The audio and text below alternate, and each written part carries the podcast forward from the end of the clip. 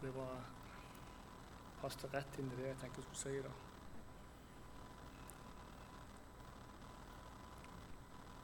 Det er vanskelig å begynne å tale etter denne lovsangen. Jeg kjenner det, det gjør noe med meg. Det rører med noe inni meg. Og jeg har lyst til bare å stå der og være med og lovprise og være med og lovsynge.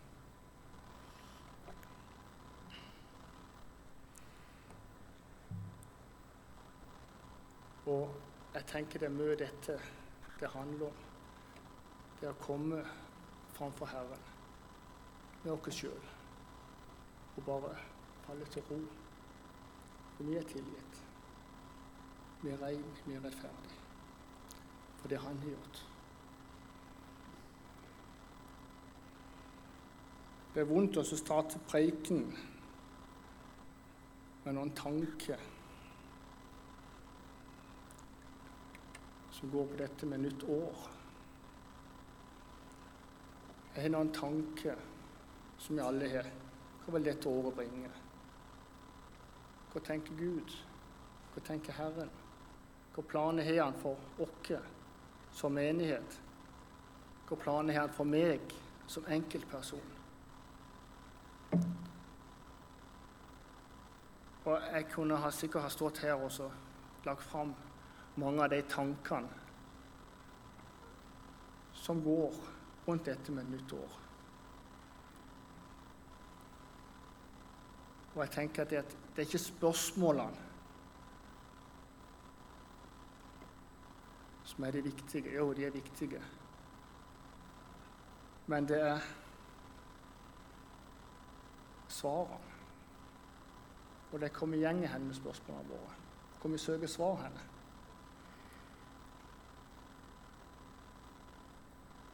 Og jeg tenker at det at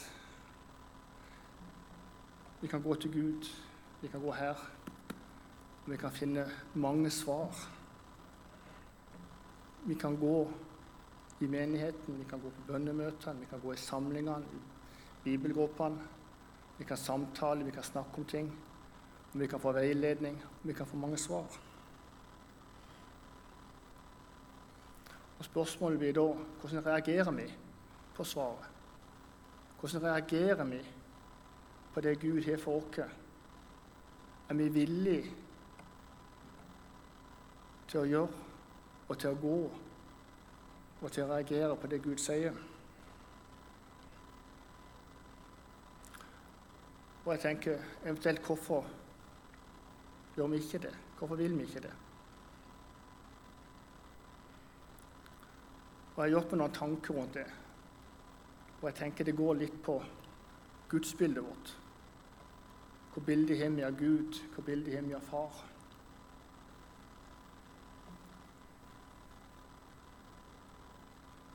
Og når jeg satt der og skulle forberede meg til denne preiken her, så ligger det mange tanker bak fra ungdomstida mi, fra oppveksten min, hvor gudsbildet jeg hadde.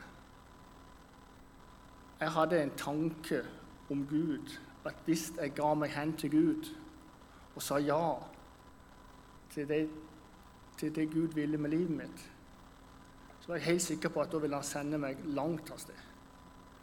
Helt sikkert en plass jeg ikke ville.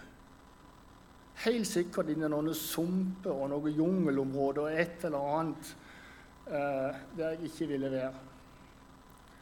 Og når jeg var ung, så sto vi og sang en sang 'Jesus, her er jeg, send meg'. Jeg vil leve mitt liv i tjeneste for deg. Jesus, her er jeg, send meg. Og Jeg klarte ikke å synge sangen. Jeg sto bare og mimte.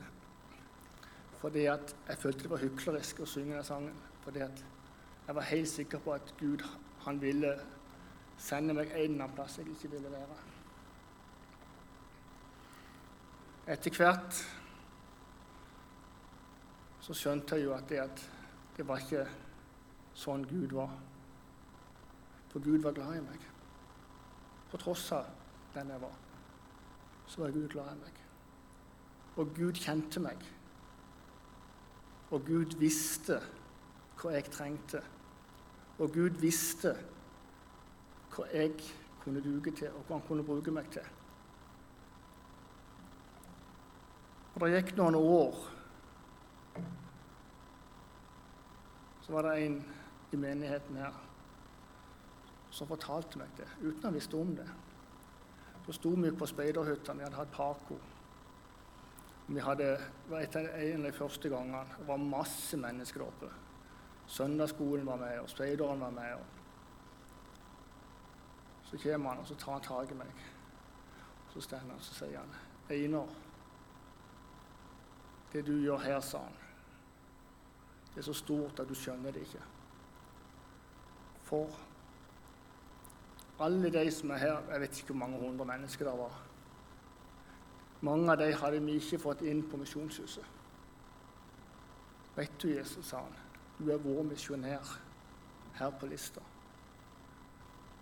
Og da skjønte jeg plutselig at Gud trengte ikke å sende meg inn i noen sump og et land der i Afrika eller Sør-Amerika hvor det skulle være henne. Jeg kunne få lov til å være her, for det var det jeg ønsket. Og så hadde jeg misforstått Guds tanke og Guds planer. Og litt av det jeg tenkte jeg skulle snakke litt om i dag. Vi fikk høre at temaet denne måneden, eller nå, det er bønn. Vi skal tale om bønn denne måneden. Og eh, det er ett bibelvers, Salme 37, vers 5, som jeg kommer til å trekke med gjennom preken. Legg din vei i Herrens hånd. Stol på Han, så vil Han gjøre det. Eller som står i nye oversettelsen, stol på Han, så griper Han inn. Det med å legge vår vei i Herrens hånd Det kommer litt an på hvor bildet vi har av far. Om vi tør virkelig å stole på at han vil det beste for oss. Så har jeg mange tanker for det nye året, som jeg sa. Og ett ønske har jeg for meg og for oss alle. Det er at vi virkelig gjør dette. At vi legger oss sjøl, oss sjøl, vårt liv og vår framtid i Herrens hånd. Og så kan vi stole på Han. Og så vil Han lede oss, og så vil Han gripe inn, og så vil Han gjøre det. Og så er det ofte sånn at veien blir litt til mens vi går den. Sånn er det i hvert fall i mitt liv. Jeg skulle ønske at Gud hadde vist meg hele veien rett fram.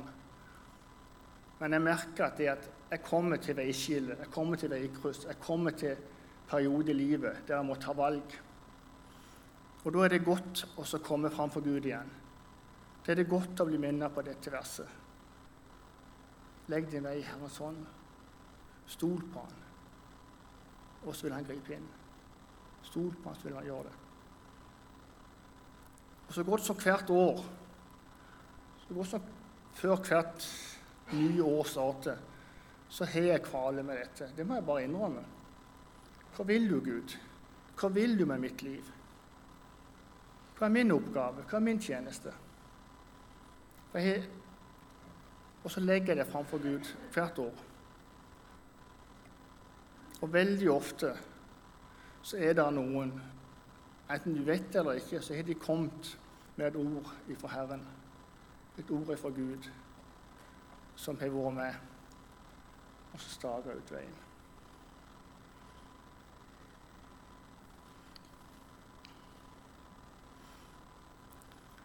Jeg sa vi skulle snakke om bønn, og jeg tenker det er dette vi gjør i bønn.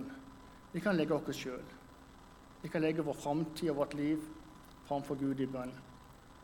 Og det tenker jeg kan være greit å ha med seg nå når vi står innenfor et nytt år og begynner med å legge oss sjøl framfor Gud. Da disiplene spør Jesus om han vil lære dem å be, så lærer han dem Fader vår sammen med vår far. Men før det, kapittel Matteus 6, vers 6 Det kommer ikke opp, men der sier Jesus Men når du ber, skal du inn i ditt rom og lukke din dør og be til din far som er det skjulte. Og den far som ser i det skjulte, skal lønne deg. Eller som det står i den gamle oversettelsen. Men du, når du beder, da gå inn i ditt lønnkammer og lukk din dør og be til din Fader, som er i lønndom. Og her tenker jeg Jeg har sikkert sagt det før, men her tenker jeg at, det at den nye oversettelsen har mista et poeng når han sier du skal gå inn i ditt rom, eller inn i ditt kammer, som det står i en oversettelse. Men det står at Jesus sier 'gå inn i ditt lønnkammer' og be til din far som er i det skjulte. Og så vil han lønne deg, og så vil han høre deg. Ordet lønnkammer det er et rom, det òg. Altså. Det er et kammer, det òg. Men jeg tenker på denne tida, når Jesus taler til disiplene sine, så snakker han om de husene folk bodde i. Vi har sikkert sett bilder av det og tegninger av hvordan hus, derfor på landsbygda, var nede i Israel på denne tida. De var ikke så store. Det var et firkanta hus som regel. Ei dør. Kanskje et lite vindu. Flatt tak. Inni dette rommet var det gjerne et jordgulv. Bakerst i rommet var det bygd opp gjerne en hems med en sti eller en trapp. Der kunne folk sove. Og så var det sånn at når kvelden kom, så gikk de inn.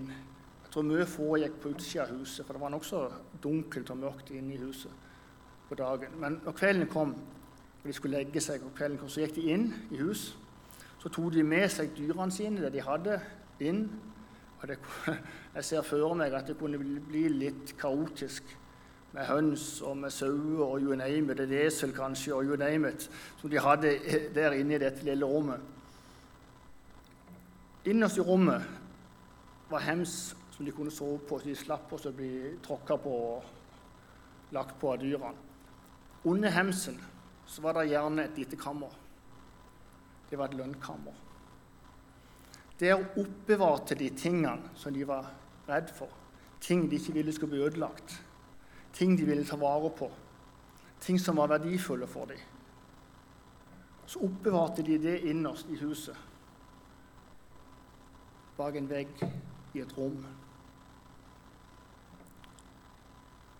Og, da, og Det tenker jeg er litt av poenget når Jesus sier at når du ber, så skal du gå inn i ditt lønnkammer. Jeg tror han ville fortelle folk at dette er noe som er verdifullt. Dette bønnelivet ditt. Dette samfunnet med Gud. Denne tida der du og far kan få lov til å være sammen. Der du og far er i enerom. Jeg tror han ville fortelle viktigheten av å ta vare på dette og beskytte det.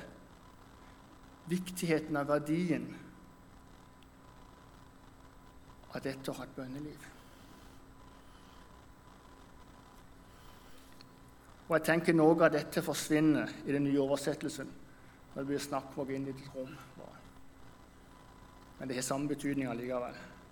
Det handler om at du og far er i hop der du kan legge alt framfor Gud.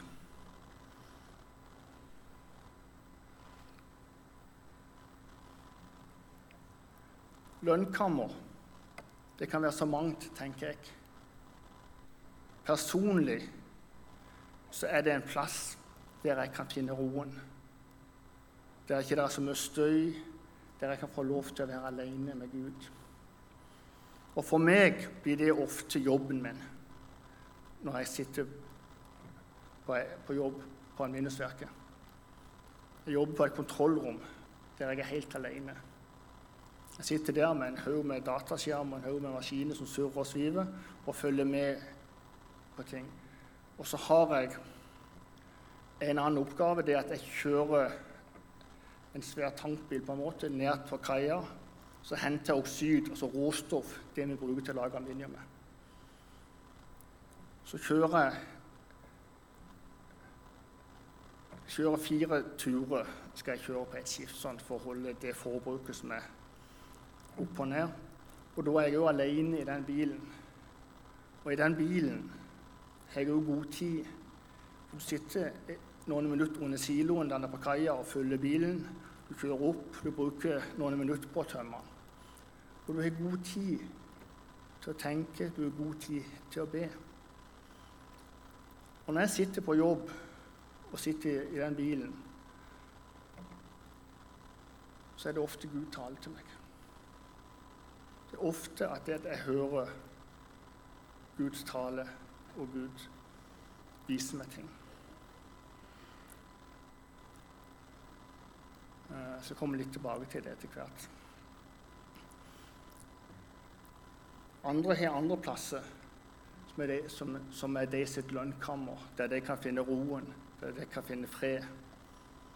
Vi leser I Bibelen så leser vi at Jesus han brukte gjerne naturen. Vi kan lese at det at i Markus 1, 35 Tidlig neste morgen, mens det ennå var helt mørkt, da sto han opp. og Så gikk han ut og sikkert til et eneste sted, og så ba han der. Lukas 6,12 så leser vi en gang på den tida gikk han opp i fjellet for å be. Og hele natten var han der i bønn til Gud. Jesus søkte stillheten i naturen og roen i naturen. Vi leser I Gammeltestamentet kan vi lese om flere som gikk for seg sjøl i stillhet. Vi kan lese at Elia han satt i hule på fjellet på Horeb. Mens han sov der, så ber Herren han å stå opp og så gå ut til hulet, innganger, for han vil tale til han. Han er nå, sier han. Så leser vi at det at han går ut, han står i huleåpninga. Så kommer det et voldsomt vær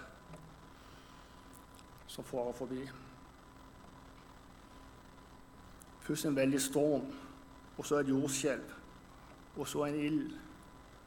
Jeg tenker Det rumla og det brakte og det suste, og det var, var, mektige ting som skjedde.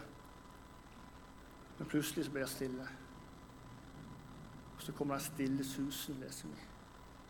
Og så talte Gud til Elia i den stille susen. Og så Elia trengte ro. Gud talte til ham når det var stille. Men det som er rart, det er jo at han sov når Gud talte til ham og sa hva han skulle gjøre. Og Ofte så tenker jeg at, at vi er litt i den situasjonen vi gjør. At vi må finne roen for at Gud skal tale til oss.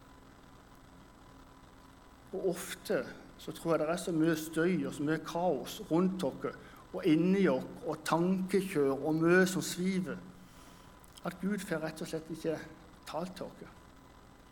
Og Derfor tenker jeg at vi ofte hører at folk snakker om at det at jo, jeg drømte, eller i en tilstand Jeg vet ikke om jeg var helt våken eller sov.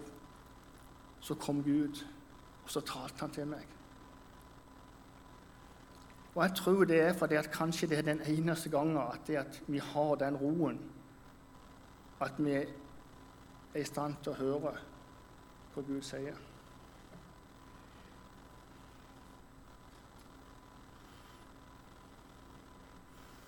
Men uansett om det er i bilen, om det er på jobb, om det er på soverommet ditt, eller om det er på stua di, om det er i godstolen, så tenker jeg det er viktig at vi alle prioriterer tid til å sette oss ned med Gud.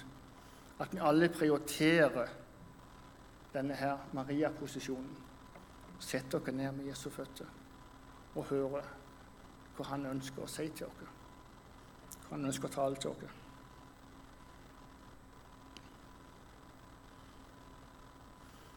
Og jeg tenker i dette lønnkammeret, denne kvalitetstida vi skal ha sammen med Gud, så kan vi legge alt framfor Gud. Vi kan be, vi kan tale om alt det som ligger oss på hjertet. Og Det er ikke noen grunn for å holde noe tilbake, tenker jeg. For Gud vet det. Han kjenner oss. Han vet hva vi tenker, han vet hva vi føler. Han vet om jeg hadde vært sint på morgenen. Han vet om jeg var sur på kvelden. Han vet hvordan jeg har hatt det. Så det er ikke noe, vi trenger ikke å komme inn i vårt lønnkammer innenfor Gud med maske på, den kan du bare, bare droppe henne. For Gud vet hvordan du har det. Og så kan du legge fram for Gud det du har på hjertet ditt.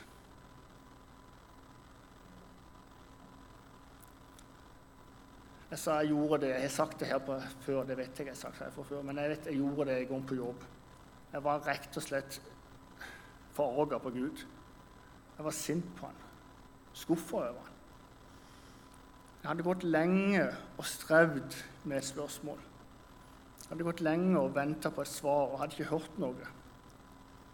Så sitter jeg på jobb. Sagt jeg er alene. Mange ganger er jeg glad at ikke folk kommer, inn når jeg er der. For noen ganger ligger jeg på kne der og så skriker jeg til Gud. Og noen ganger så synger jeg lovsang, og jeg kan ikke synge. Så, så det at jeg, jeg er kjempeglad jeg er der inne. Men den dagen så hadde jeg bøyd kne bak skrivepulten, bak pulten. Så hadde jeg bedt til Gud.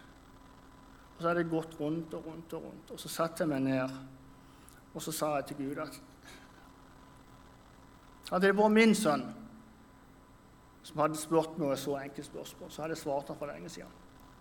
Jeg syns det er dårlig gjort av deg at du holder meg på pinebenken så lenge uten å svare meg. Og så kommer det jeg har sagt det før, så, det, så kommer det en tanke. Gud taler til meg, og så sier han, 'Einar, spør meg om hva du vil, og du skal få svar.' Og så spør jeg, og så svarer han. Og det rare er at jeg får med spørsmålene mine her. Og før jeg er ferdig med å spørre, så har jeg svaret her. Det er en helt sånn surrealistisk opplevelse. Og jeg spør om så mye at jeg føler meg flau etterpå. Jeg er skamfull over at jeg våger å spørre om alle tingene jeg spør om. Men jeg fikk svar på det det gjaldt. Og spørsmålet den gangen var om jeg skulle fortsette som leder i menigheten som jeg var i da. Om jeg skulle fortsette. Og da fikk jeg et så tydelig svar. Einar, du skal fortsette helt til jeg sier ifra. Du skal få et svar som er så tydelig at du ikke kan misforstå det. Og da kunne jeg slappe denne kampen hvert eneste år. Er det dette du vil, eller er det andre du vil ha på denne posten? Men når du er i ditt lønnkammer, så kan du òg legge fram andre som ligger deg på hjertet. Du kan be for dine venner, du kan be for din familie, du kan be for dine nærmeste. Du kan be for jobben din, du kan be for ting som ligger på hjertet ditt. Nå skal jeg fortelle en historie. Jeg skulle spurt Berit først om det var greit, men hun var ikke kommet før jeg starta her, så jeg gjør det likevel. Og det ligger mange år tilbake, på F-16. Mange år tilbake. Og så eh, fikk jeg en telefon en år om jeg kunne komme ut. For det er en av guttene som har tatt tjuvperm. Han er ikke kommet tilbake igjen. Og vi er så urolige for han. Kan du komme ut? Vi må be. Og så kommer vi ut, og så sitter vi og ber, og vi ber nokså lenge. Britt og en til av de ansatte eller som jobber der, også meg. Og vi ber lenge, og egentlig så skjer det ikke så voldsomt mye. Men føler vi er jeg reiser meg, jeg kjører hjem. Ikke mer enn kommet hjem, så får jeg en telefon igjen. Nei, vi må fortsette å be. Vi er så urolige. Og så avtaler vi at de skal komme ned til meg, og så sitter vi hos meg og ber. Og mens vi sitter der og ber Det er lønnkammertid, det òg. Så sitter vi der og ber, så plutselig så får jeg et indre syn eller et syn, akkurat som Elia. Plutselig så ser jeg at gjennom et skydekke så kommer disse ildvognene ned. Og så bare Så går de rett opp igjen. Og så nå så skjønner jeg hva det har sett. Så sier jeg nå kan vi slutte å be. Han blitt redda. Og så går det tid Ikke lange, det samme dagen. Så blir han henta tilbake til F-16. før de var henta. Så spør jeg han litt seinere hva var det som skjedde da og da, klokka det og det. Om han kunne huske det. Ja, sa han, for det var veldig spesielt. Jeg fått lov av han å fortelle dette. Men det var veldig spesielt, sa han. For han hadde som sagt tatt tjuvperm, og han hadde som sagt ikke kom tilbake igjen. Han hadde fått tak i noe heroin. Det var stoff han vanligvis ikke brukte. Og han hadde planlagt han skulle gå inn i et smug der og der. Så skulle han sette en overdose, og så skulle han bare bli ferdig med alt. Så mens han sitter der og holder på og fyrer opp dette her og varmer det, så kommer det et menneske inn i det smuget der han sitter innerst mellom noen søppeldunker og noe spann der inne. Så kommer der og Først så trodde han det var en engel, men så var det en frelsesoffiser som kom inn og så han og tok han med seg. Og han overlevde. Han fikk ikke satt denne sprøyta. Og jeg tror det var for at noen tok seg tid i lønnkammer og be for denne personen. Og han blir redda. Og han lever den dag i dag, og han er en kristen. og det er gått greit.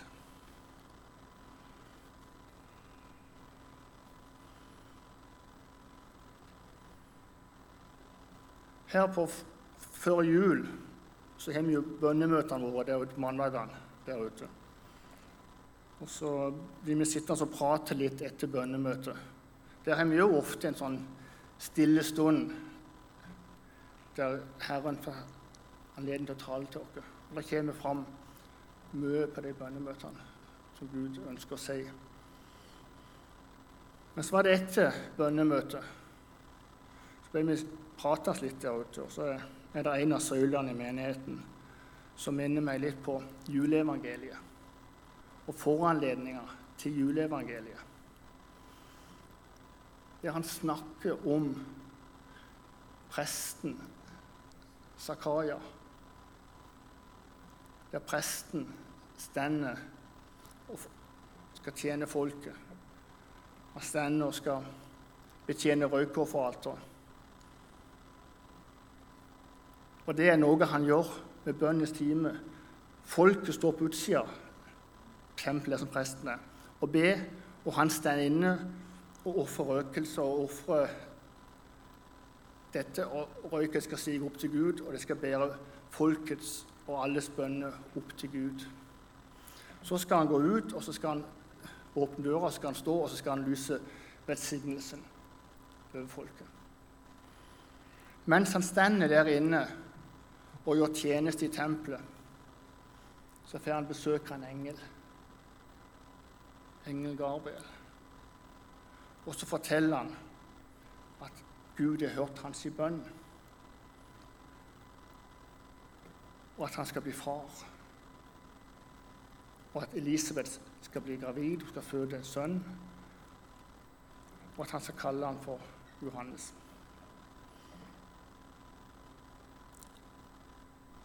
Og så leser vi at Zakaria betviler det engelen sier. Så sier han, 'Hvordan kan jeg vite at dette er sant?' Jeg er jo langt oppi årene, og kona mi er jo hos altså Fra naturens side så er det ikke, er det ikke en sjanse. Hvordan kan jeg vite at det du sier, er rett? Og så sier engelen at 'jeg er engelen Gabriel'. Jeg står ved Guds trone står, og jeg er kommet i dag for å fortelle deg dette. Og fordi han ikke tror, så blir han stum, leser vi. Han mister munnen og melet. Og folk skjønner jo at det må ha skjedd noe der inne. For når han kommer ut og skal lyse velsignelsen, så kommer det ikke et ord. Det samme skjer litt seinere. Det går et halvt år. Så kommer samme engelen på besøk til ei ung jente. med øret bud. om at hun skal bli med barn. Skal bli gravid. Hun spør òg engelen hvordan skal dette skje. Jeg har jo aldri vært noen mann. Og så forklarer engelen noe dette. her. Jo, Den hellige ånd skal komme over deg. Og så og hun, og, Ja, så husker jeg ikke helt. Men i hvert fall så skal hun bli gravid, og hun skal føde Messias. Frelserkongen, frelseren. Og, forskjellen på Zakaria og Maria, det var det han minte meg om på. Det var måten de tok imot tiltalen eller budet eller talen ifra Gud. Den ene, Zakaria, han så på omstendighetene. Han så på at nei, nå er vi kommet langt opp i årene. Det her er ikke vi i stand til.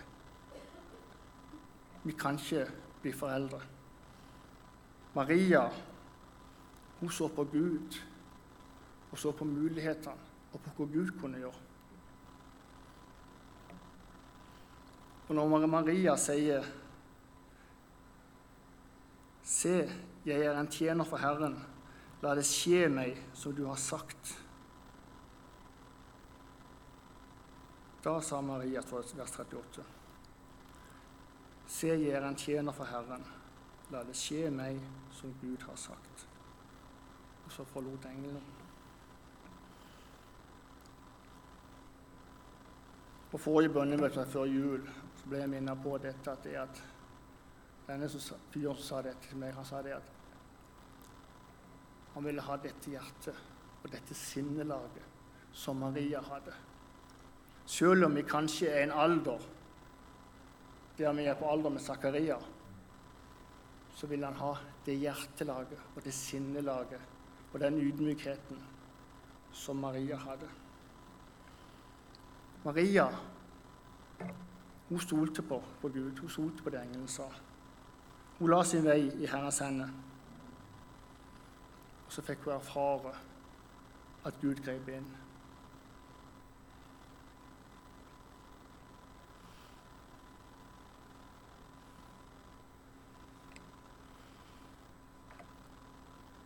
Det gjorde meg jo noen tanker om dette med å løfte blikket og se på Gud og ikke på omstendighetene.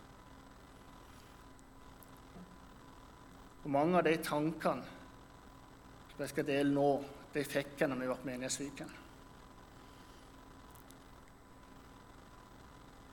Av noen av tankene fikk jeg når jeg så over elva og så bort på andre sida på Solstrand og så over til hva den andre plassen heter på andre sida. der. Audnastranda.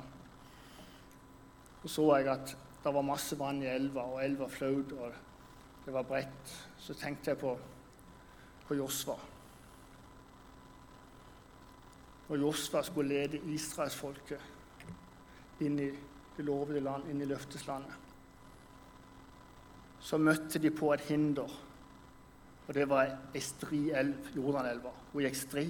Da stender hun flaut over sine bredder, og de skulle gå over der. Og jeg tenker med meg sjøl at her var det et folk som ikke kunne svømme. De hadde gått 40 år i en sandørken. Jeg tror veldig få av dem var i stand til helt tatt å kunne svømme. Og så skulle de krysse den elva.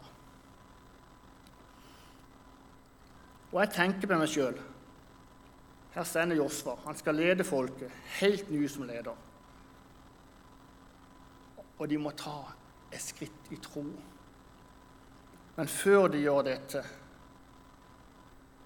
før de gjør dette, så sier han nå skal vi ta tid. Nå skal vi innvie oss for Herren. Og så tror jeg de gjør litt Jeg bruker mine ord, det står ikke akkurat sånn.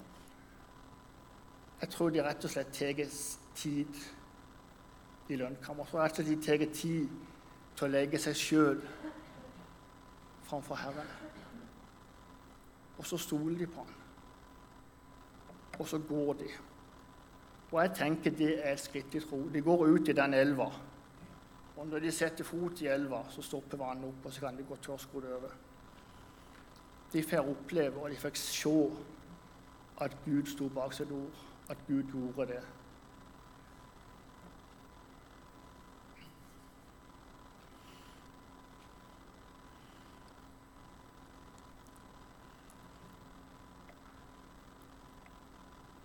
Og andre ting som jeg opplevde, som jeg kjente på veldig sterkt på Menighetsviken. Og det var våre ungdommer som var på turen. Jeg opplevde at de gjorde akkurat dette som dette bibelverset sier. De la sin vei i Herrens hånd, og de stolte på Han. Og så fikk vi alle se, og fikk alle oppleve at Herren grep inn, og at Gud gjorde som Han sa.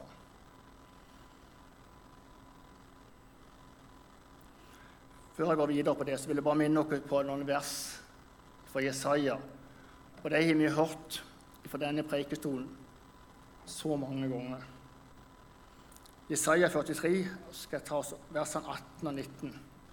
De er godt igjen. Overskrifta er 'Se, jeg skaper noe nytt'. Vi leser vers 18. Tenk ikke på det som hendte før. Akt ikke på det som en gang var. Nå skaper jeg noe nytt. Det spirer allerede fram. Merker dere det ikke? Ja, jeg legger vei i ødemarken og stier i ørkenen. Se, jeg skaper noe nytt. Merker dere ikke? Se, det spirer allerede fram. Dette tror jeg vi fikk se litt av på Solstrand. Dette nye som er i ferd med å spire fram. Jeg ser før meg et stort tre som holder på å vokse. Jeg ser før meg at det er en spire som vokser opp midt imellom oss. Så er jeg ikke om vi merker det, så er jeg ikke om vi ser det. Og jeg tenker at vi fikk oppleve og se dette nye som spirer fram, når vi var på Solstrand. Når vi så ungdommen som hadde hatt sine møter, der de lytta til Guds stemme, der de la seg sjøl og sine liv framfor Gud. Vi får oppleve på kvelden på lørdagen at de går føre som eksempler for oss voksne. De tar på en måte regien helt naturlig. Og de stender og vitner. Og de forteller om store ting som Gud gjør til dem sine liv.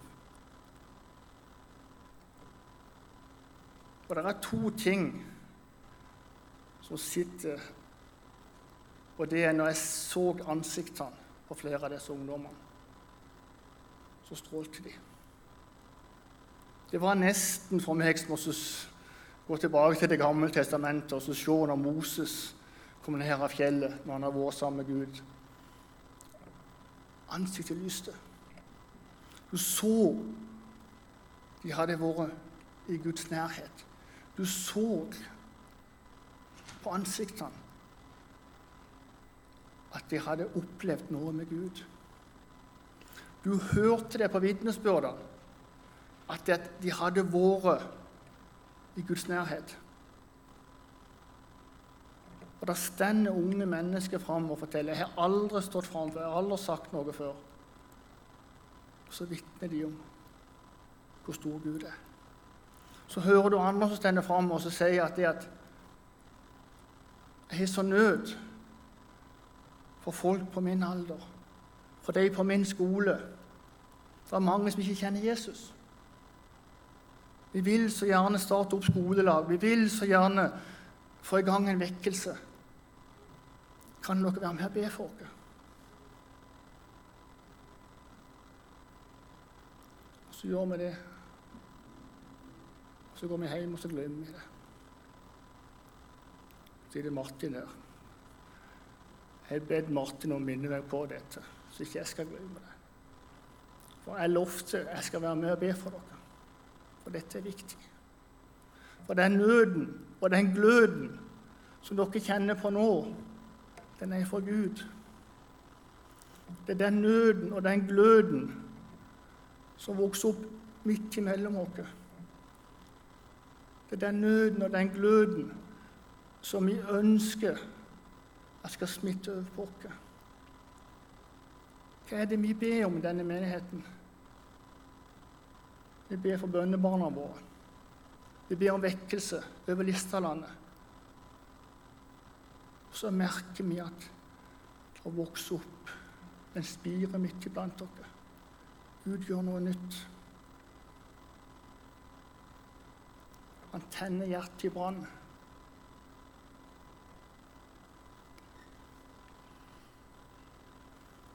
Satt på bønnemøte sist igjen. Tilbake til bønnemøtene. Så, ser jeg, så ber vi for disse ungdommene. Og så ser jeg et sånt indre bilde der jeg ser dette treet som vokste opp. Og så er det lyst, og så lyser det. Og så tror jeg jeg skjønte hva det var. Det var den spiren som folket stått her og talte om at det, spirer allerede fram. Merker dere det ikke? Jeg legger vei i ødemarken. og lager sti i ørkenen. Det er dette som er i ferd med å skje.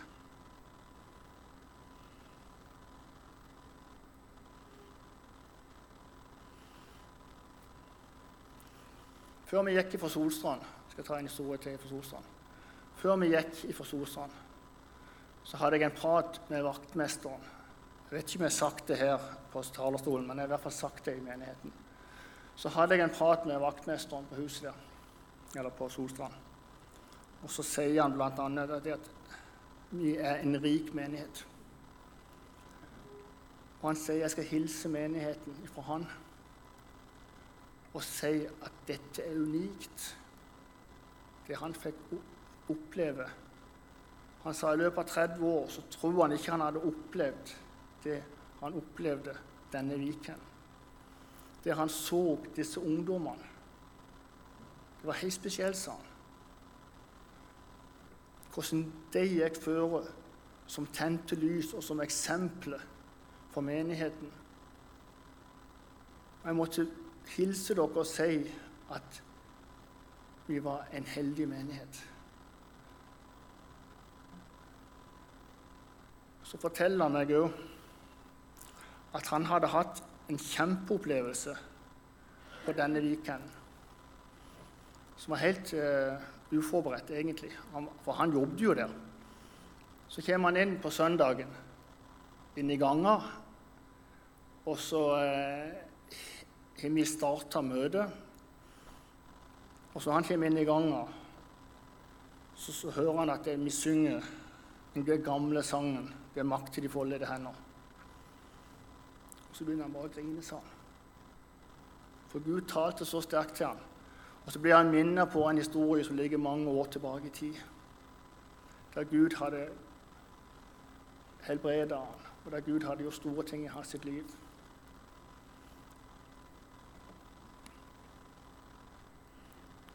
Så nå har jeg i hvert fall gjort det.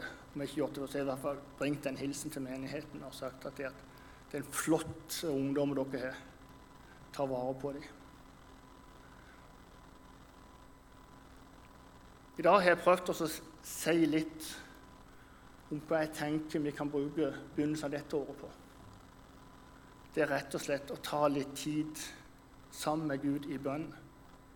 Prioritere lønnkammertid prioritere dette og legge vår vei i Herrens hånd. Som jeg las Salm 37,5.: Legg din vei i Herrens hånd, sol på Han, så vil Han gjøre det. Ellers vil Han gripe inn.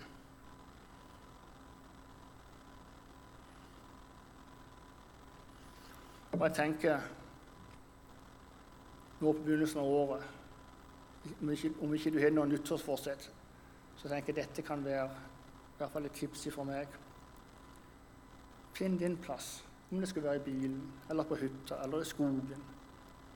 Der du kjenner at du kan finne roen. Der du kjenner at jeg kan sette meg ned for Herrens føtter.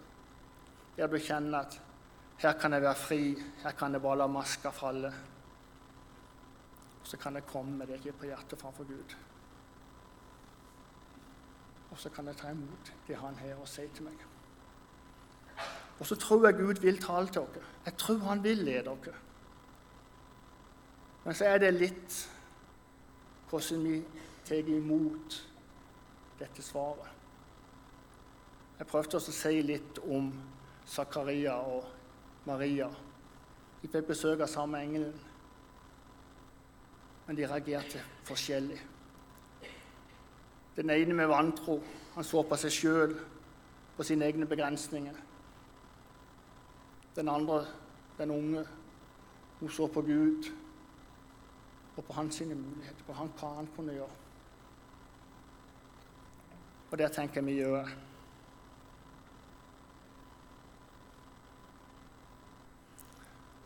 Kanskje du bare trenger å få bekrefta